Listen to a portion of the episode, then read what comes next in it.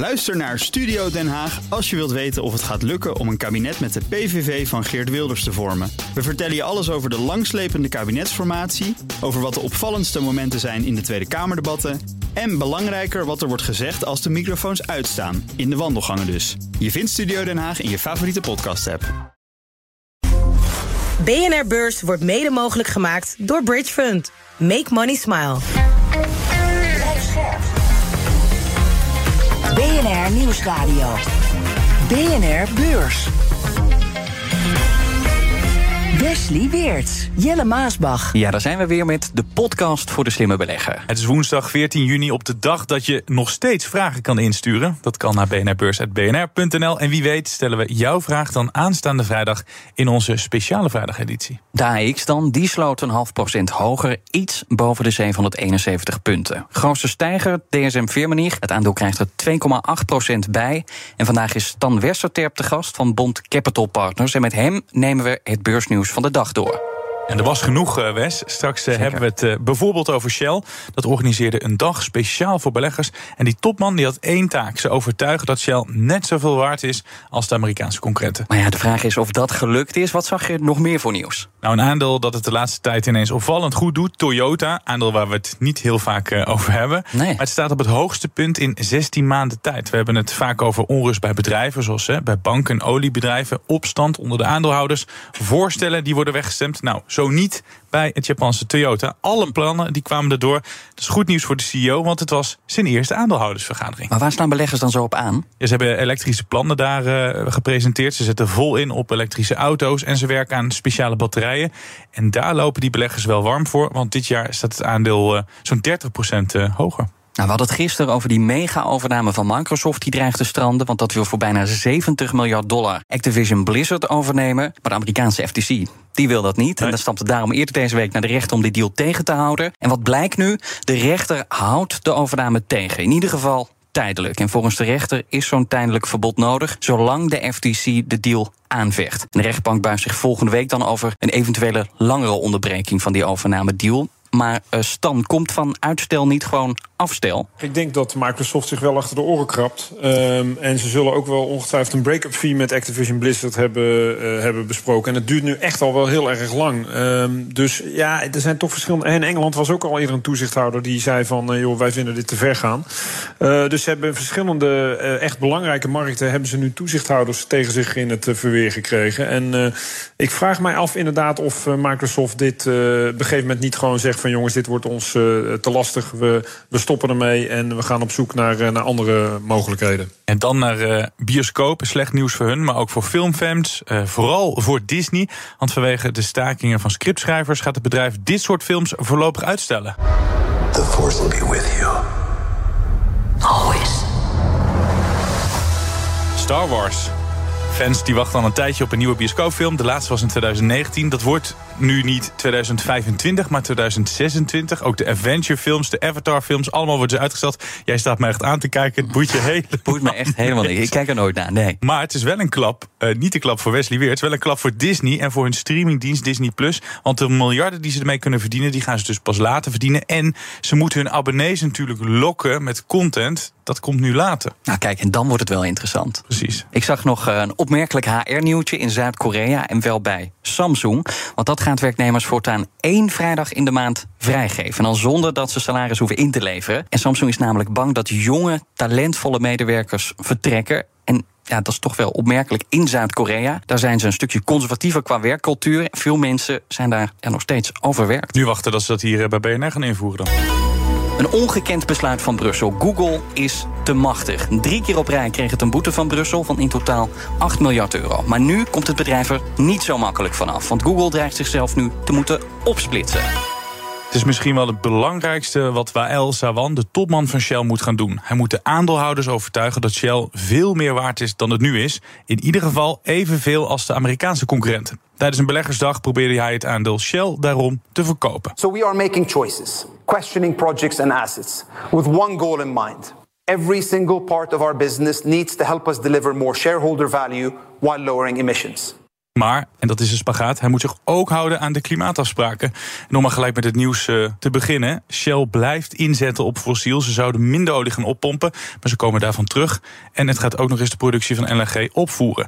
Ja, Stan, dat is misschien goed voor de beurswaarde. Maar is dat het ook uh, voor, uh, voor Shell zelf, voor de lange termijn? Ja, kijk, Shell en andere oliebedrijven zijn altijd wel bedrijven die bekend staan om een aandeelhoudersvriendelijke beleid. Um, en daar keren ze nu duidelijk naar terug. Alleen het zit natuurlijk in een sector, en dat geldt niet alleen voor Shell, dat geldt ook voor de concurrentie, die mm -hmm. gewoon uh, onder een vergrootglas ligt, om het maar uh, op zijn zachtst te zeggen. Um, uh, waarbij je inderdaad een afweging moet gaan maken tussen korte termijn en lange termijn. En daarbij speelt ook nog dat regio een belangrijk onderdeel daarin is. Want wij in Europa tornen hier veel harder aan dan in Amerika bijvoorbeeld. Maar Shell heeft natuurlijk wel gelijk als ze zeggen: ja, olie en gas, dat zal voorlopig nog bij ons blijven. En wij willen gewoon onderdeel blijven van die markt. Sterker nog, wij zien daar uh, een aantal winstgevende operaties. En we willen daar proberen het maximale rendement voor onze aandeelhouders uit te persen. De keerzijde is alleen uh, dat dat sterk indruist tegen de, natuurlijk de, de, de, de, de, ja, de duurzaamheidsambities die we in de wereld hebben. Ja, behoorlijk. Wat vind jij om daarmee te beginnen van deze koerswijziging? Laat ik het zo zeggen, Ben van Beurden die heeft natuurlijk de, de, de, voorganger van de huidige CEO, die heeft natuurlijk een aantal drastische beslissingen ge, genomen een aantal jaar geleden, ook als gevolg van corona. Het, meest belangrijke voor aandeelhouders was natuurlijk dat het dividend echt uh, gedeeld door drie ging. Dat zijn ze nu langzaam weer aan het inlopen, dus ze willen wel weer echt uh, laten zien dat ze aandeelhouders vriendelijk zijn. Um, en ik denk dat dat wel een, belangrijke wijziging is. En dat ze toch aangeven, ook onder druk van wat de Amerikaanse concurrenten laten zien, bijvoorbeeld Chevron en ExxonMobil, die veel hoger gewaardeerd zijn in Amerika, omdat die wel uh, ja, altijd op olie en gas zijn blijven inzetten en zich minder op, en met die duurzaamheidsambities hebben bezig gehouden. En je ook ziet dat zij een hogere waardering krijgen op de beurs. Ja, en dat wil Shell toch wel heel erg graag wegpoetsen voor zijn aandeelhouders. Vandaar dat ze dit soort beslissingen nemen. Echt pure ja, het rendementsoogpunt. Ja, je haalt een Chevron aan, dat is uh, inderdaad uh, 50% meer waard. 100 miljard dollar op de beurs. Shell gaat nu dividend verhogen met 15%. Ze gaan miljarden besparen. Wordt daarmee ook het gat met zo'n Chevron of zo'n ExxonMobil ook dichtgelopen? Dat niet zozeer, maar ik denk wel dat een stuk van dat gat dichtgelopen kan worden. En dan kan je je afvragen, is Shell ondergewaardeerd of zijn de Amerikaanse evenknieën overgewaardeerd? Kijk, sowieso Amerikaanse bedrijven, uh, de, de, de, de thuismarkt uh, voor Amerikaanse beleggers, die zijn altijd bereid om wat meer te betalen voor hun eigen thuisaandelen, om het zo maar te zeggen. Als je dat vergelijkt met, uh, met Europese of bijvoorbeeld Japanse vergelijkbare bedrijven. Dus ik verwacht niet dat die volledige onderwaardering eruit zal gaan. Maar het is wel de bedoeling dat ze meer naar elkaar toe gaan kruipen. En ja, dat, dat zet Shell dus ook duidelijk op in. Door uh, meer naar rendementsontwikkeling nog te, te, gaan kijken. En dat doen ze onder andere inderdaad door kosten te verlagen. Operationele kosten moeten omlaag. Ze wilden minder kapitaaluitgaven gaan doen. En aan de andere kant uh, dividenden te verhogen. En inderdaad inkoop eigen aandelen. Dat zijn allemaal aandeelhoudersvriendelijke beslissingen. Uh, die ervoor moeten zorgen dat die waardering van Shell uh, wat meer in lijn komt met, ja. uh, met de Amerikaanse concurrenten. Stan en dus die focus op fossiel. Maar ondertussen ligt er wel nog die uitspraak van de rechter. Shell en de aandeelhouders kunnen dat allemaal wel willen, maar kan dat ook zomaar? Want hoeveel bewegingsruimte heeft Shell? Ja, dat is een hele goede vraag. En uh, Shell kaatst die bal eigenlijk een beetje door te zeggen van ja, dat zal ook afhangen van het waar, waar het maatschappelijke debat naartoe gaat. Uh, met andere woorden, wij bewegen de kant op waar de maatschappij wil dat wij uh, naartoe bewegen. En tot die tijd dat wij nog gewoon bewegingsvrijheid hebben om zeg maar in fossiel te investeren en daar rendement uit te behalen, zullen wij dat niet nalaten. En ja, sterker nog, we, we gaan dat wat meer doen dan dat we dat voorheen hebben gedaan. Die focus in ieder geval daarop leggen. En gaat dit ten koste van investeringen in wind, waterstof en andere duurzame alternatieven? Of kan dit naast elkaar bestaan?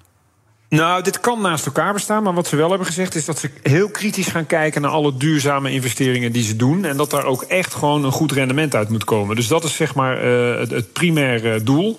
Uh, is gewoon kijken wat verdienen we op uh, de investeringen die we doen. Uh, en dat geldt dus inderdaad ook voor duurzaam. En we weten natuurlijk dat fossiel winstgevender is dan uh, duurzame projecten. dus het is niet zo dat het stopt. Sterker nog, ze hebben ook echt wel aangegeven dat ze vele miljarden nog steeds in duurzaam willen steken. Maar dat nogmaals, rentabiliteitseis zal daarbij hoger liggen dan voorheen. Dus dat betekent wel dat er ook gewoon echt onderaan de streep geld in het laadje moet komen. dat dan weer aan aandeelhouders kan worden uitgekeerd. Vind jij Shell nog een interessant aandeel als lange termijn belegger? Dat is een beetje een gemene vraag. Kijk, aan de ene kant, uh, als je kijkt puur cijfermatig, uh, dan is het echt ondergewaardeerd. Hè. Je hebt het over uh, 6, 7 keer de winst. Je hebt het over een enorme dividendrendementen. Je hebt het over inderdaad concurrenten die hoger gewaardeerd zijn. Um, dus dat is, dat is allemaal geen probleem vanuit het aandeelhoudersperspectief. Maar als je echt langer termijn gaat kijken, ja, dan vraag je natuurlijk af of het bedrijf nog bestaansrecht heeft. Of de hele sector überhaupt nog bestaansrecht heeft. Over, ja, pak een beetje 20, 30, 40 jaar. voorlopig absoluut nog wel. Maar voor de lange termijn verwacht ik toch dat dit soort bedrijven zich echt uh, zichzelf opnieuw zullen moeten gaan uitvinden.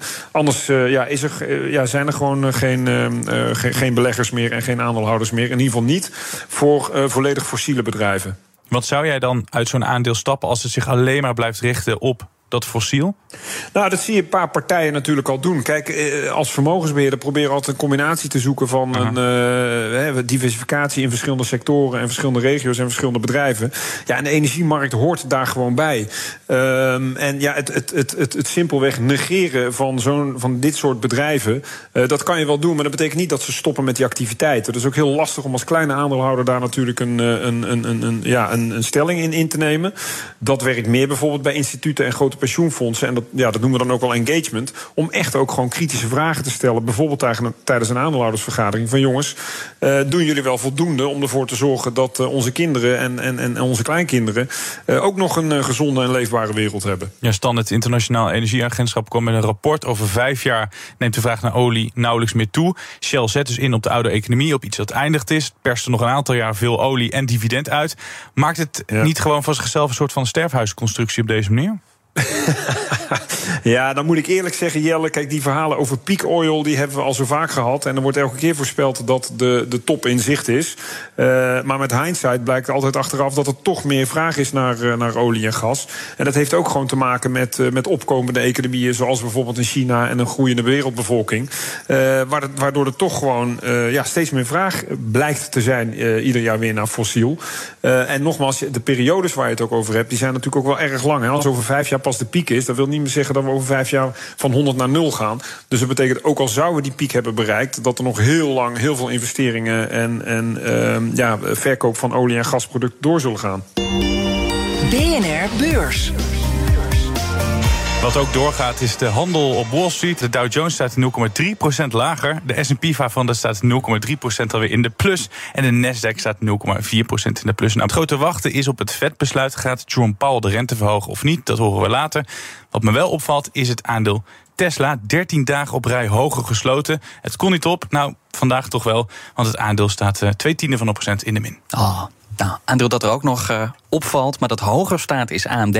Krijgt er 1,6% bij. Het bedrijf heeft nieuwe AI-chips. En Amazon heeft daarin mogelijk interesse. Een grote jongen, dus een grote potentiële klant. En dat wil die nieuwe chips gebruiken voor zijn clouddiensten, meldt Reuters. BNR Beurs. Dan naar Google. Dat moet vrezen om opgesplitst te worden. Google zou zijn macht op de advertentiemarkt misbruiken. We are concerned that Google may have uh, illegally distorted uh, competition in the online advertising uh, industry, also known as ad tech. Dat zegt Eurocommissaris Verstaker. Stan, hou jij er inmiddels rekening mee dat ze onderdelen moeten afstoten, zichzelf dus moeten opsplitsen? Nou, zo snel zal het niet meteen gaan, Wesley. Dat is ook als je naar de koers van Google kijkt op dit moment in Amerika, die is ongeveer onveranderd. De openen wel iets lager, maar, uh, maar is aardig bijgetrokken. Uh, kijk, de, de commissie heeft hier wel duidelijk aangegeven dat zij vermoeden of dat zij vinden dat Google zijn, uh, zijn machtspositie heeft misbruikt. Hè. Margaretha Versteger zei ook duidelijk: het is niks mis met dominantie. Het gaat er alleen om dat als je dat misbruikt, dat je dan inderdaad de Europese Commissie uh, achter je aan krijgt.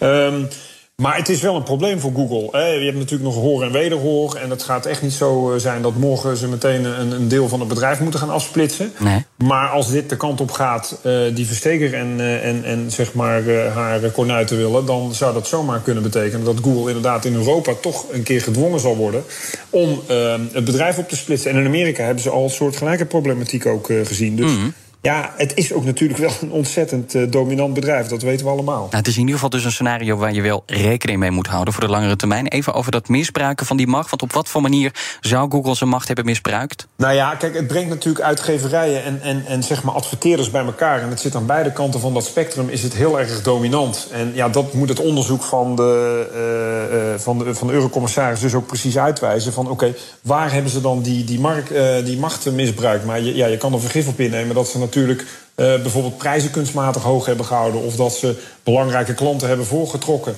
Of dat ze eigen producten uh, ergens ja, voortrekken ten opzichte van producten van concurrenten. Dus dat lijkt mij ja, heel eerlijk gezegd ook niet zo heel onlogisch dat dat gebeurd is. Of dat nou bewust is of onbewust. Het is gewoon uh, ja, misbruik van je machtspositie. Uh, ja. ja. en daar word je voor gestraft. Nou verdient het natuurlijk ook hoofdzakelijk geld met reclame. Wat zou het in het geval van Google betekenen als ze inderdaad moeten opsplitsen? Um, ja, dat is een hele goede vraag. Kijk, ik denk dat je dan uh, moet gaan kijken wat is de sum of the parts waard. En is dat net zoveel waard als dat je het onder één, uh, één constructie uh, hebt? kijk, heb je het dan over een afsplitsing van hè, dat wordt een apart bedrijf en dat moet echt op armslengte komen van, van het moederbedrijf? Wordt dat naar de beurs gebracht? Of wordt dat, wordt dat weer doorverkocht, misschien aan een concurrent? Hè? Of, of, of wordt er een hele aparte entiteit opgezet? Ja, dat zijn allemaal vragen. Ik denk dat het daar nu nog een beetje te vroeg voor is. Maar laten we wel stellen dat als Google verplicht wordt om zich op te splitsen, dat het waarschijnlijk minder waard zal zijn dan als het uh, één geheel mag blijven. Ja, we weten dus ook nog niet precies als ze zich moeten opsplitsen, of ze dat moeten verkopen aan een concurrent, of dat ze dan zelf de controle houden. Ja, ik vind het wel opvallend, want normaal hoor je als een bedrijf wordt opgesplitst dat die onderdelen dus meer waard zijn. En jij zegt dat ze dus minder waard worden. Nou, dat komt omdat er natuurlijk een enorme uh, ja, synergie zit tussen die onderdelen. Hè. Ze, hebben, ze zijn dominant op, op, op twee plekken, uh, twee cruciale plekken in de advertentiemarkt, in de online advertentiemarkt. En daarmee kunnen ze natuurlijk hun eigen positie gewoon uh, ja, misbruiken volgens Versteker. Um, en dat betekent dus dat daar ook een enorme winstgevendheid uh, bij hoort. Ja, als je dat gaat opknippen, uh, dan is de verwachting uh, niet heel raar dat, je, dat, dat het, dat het de, de sum of the parts minder waard zal zijn. Nou, laten we eerlijk zijn, ze hebben voor 8 miljard aan boetes gehad, Google, Alphabet, en die zijn nog steeds niet betaald. Dus hoeveel heb je als techbedrijf te vrezen in Europa? ja, en het is natuurlijk ook op een marktwaarde van, van 1500 miljard... is natuurlijk een lachertje, dit, soort, uh, dit soort bedragen. Ik bedoel, jij en ik kunnen het niet morgen ophoesten... maar um, voor dit wel. soort... Uh, ja, alfabet wel. Voor dit soort giganten is dat natuurlijk, uh, is dat natuurlijk goed te betalen. Hè, op een omzet van bijna 300 miljard per jaar op dit moment. Ja, um, de, de tijd zal het uitwijzen. Laat het wel zo, zo stellen. Het zal niet het eerste bedrijf zijn in de historie dat toch gedwongen wordt vanwege een te dominante of marktpositie of het misbruik daarvan uh, om opgesplitst te worden of de onderdelen te verkopen. Dus uh, ja, de jury is still out. We blijven even in de techhoek, want op de Amerikaanse beurs is de grootste techgekte sinds eind jaren 90 losgebarsten. De Nasdaq staat dit jaar op een winst van zo'n 30 procent. Ja, in 1999 waren beleggers ook verliefd op alles dat met internet te maken heeft. Nu is dat AI. Moeten we weer vrezen voor een bubbel dan? Het is niet zo dat Nasdaq op recordniveau staat. Hè. Ik bedoel, uh, we stonden in het hoogtepunt van corona, zeg maar december 21, uh, eh, gingen we dik over de 15.000 punten heen. We staan nu op zeg maar 13.500 punten. Ja, koerswinst van zo'n 30 procent. Dit jaar, dat klopt inderdaad. Ja. En het komt natuurlijk ook omdat we vorig jaar, van, mede vanwege die hard oplopende rentes, dat we hard gedaald waren. En je ziet daar nu inderdaad een groot stuk herstel in, uh, in plaatsvinden. Um, tegelijkertijd, ja, technologie is, is, is de laatste, ja, sinds, eigenlijk sinds de financiële crisis, een hele geliefde sector geweest. Um, en je ziet uh, dat daar ja, dus ook uh, logischerwijs meteen weer als eerste het herstel plaatsvindt na de klappen die er vorig jaar zijn uitgedeeld. Ja, en we hebben natuurlijk constant dat toverwoord dat we horen. AI, Jelle noemde het net, net ook al. Dat is misschien ook een van de verklaringen. Maar zijn er nog andere redenen voor het succes? Want we hebben natuurlijk eerder dit jaar ook grote ontslagrondes gehad. Ik kan me ook voorstellen dat die bedrijven misschien een beetje beloond worden... omdat ze nu meer focussen op winstgevendheid en efficiëntie. Nou, er zijn verschillende factoren die hier aan de grondslag liggen. Eén is de, de, de, de renteomgeving. Ik bedoel, de FED die komt vandaag weer met een rentebesluit. Waarschijnlijk zullen ze niets doen. Misschien later dit jaar nog één of twee stapjes. Maar de echte agressieve renteverhogingen die liggen achter ons. Waardoor er wat meer visibility komt voor, voor, voor beleggers. En we weten allemaal dat hogere rente betekent dat de verdisconteringsvoet voor dit soort bedrijven omhoog gaat. En dat je dus je huidige waarde zeg maar, wat omlaag ziet gaan. Nou ja, als die rente inderdaad blijkt te normaliseren en misschien naar de toekomst toe wel weer wat gaat verlagen, ook weer afhankelijk van inflatiecijfers, dan zie je dus ook dat koersen hiervan gaan herstellen. maar het fundamentele verhaal is natuurlijk dat, vind ik, dat met name technologiebedrijven toch altijd weinig last hebben van van grondstoffen of van, ehm, van eh, oorlogen of van eh, ja, andere zeg maar, materialistische zaken. ehm, die het bedrijfsmodel in de weg kunnen zitten. En dat ze gewoon. Er zijn een paar hele grote jongens die zo dominant zijn en zo uber winstgevend. dat Mhm. die eigenlijk nu ook weer gewoon, als je naar de kwartaalcijfers kijkt. Dat het hele interessante bedrijven zijn op de lange termijn. Stan, is die dominantie ook niet juist een gevaar? Want dat de Nasdaq het zo goed komt juist door een handvol grote spelers. Ja. Leunt, leunt het succes niet te veel op enkele bedrijven? Nou, je ziet wel vaak dat het herstel. Dat is eigenlijk tweeledig. Je ziet vaak dat het herstel in eerste instantie bij de grote jongens plaatsvindt. hè. Eh, De Apples, de Microsoft, de Amazons. Nou, je kent van wel de Googles. Eh, Dat hebben we dus nu ook zien gebeuren. En dat het later doorcijpelt naar de, de, de mid- en de small cap eh, spelers, om het zo maar te zeggen. Dus de, de, de mindere goden. Ehm, maar je hebt absoluut een punt als je zegt van ja, die Nasdaq is met name zo hard gestegen door die grote jongens. En wordt er, is dat niet een, een beetje een, een, eh, ja, een smalle basis zeg maar, voor het verder eh, groeien van de index? Precies. Nogmaals, je kan het twe- tweeledig bekijken. Aan de ene kant eh, is het, ja, beleggers keren terug. Het eerste wat ze doen is de geliefde namen kopen. En daarna komt er misschien nog meer risk appetite, waardoor ook de kleinere jongens weer opgepakt gaan worden. Maar dat zullen we de komende maanden moeten gaan zien. Ik verwacht wel, als de markt zo sterk blijft zoals die nu is, dat dat uiteindelijk ook weer gaat gebeuren. Dit was de woensdag op naar de donderdag, morgen dus. Na Amerika is het de beurt aan Europa. De Europese Centrale Bank komt met het rentebesluit. En de verwachting is dat de rente opnieuw wordt opgeschroefd om de inflatie onder controle te krijgen. En dat we Christine Lagarde dus deze tekst weer horen uitspreken. The Governing Council will stay the course in raising interest rates significantly at a steady pace and in keeping them at levels that are sufficiently restrictive to ensure a timely return of inflation to our 2% medium term target. Verder zijn er cijfers over Adobe. Vooral de laatste weken duiken beleggers op dat aandeel. In een maand tijd steeg de beurskoers met zo'n 40% En de reden, je raadt het al, AI. Vraag is alleen wel of beleggers net zo enthousiast worden van de cijfers.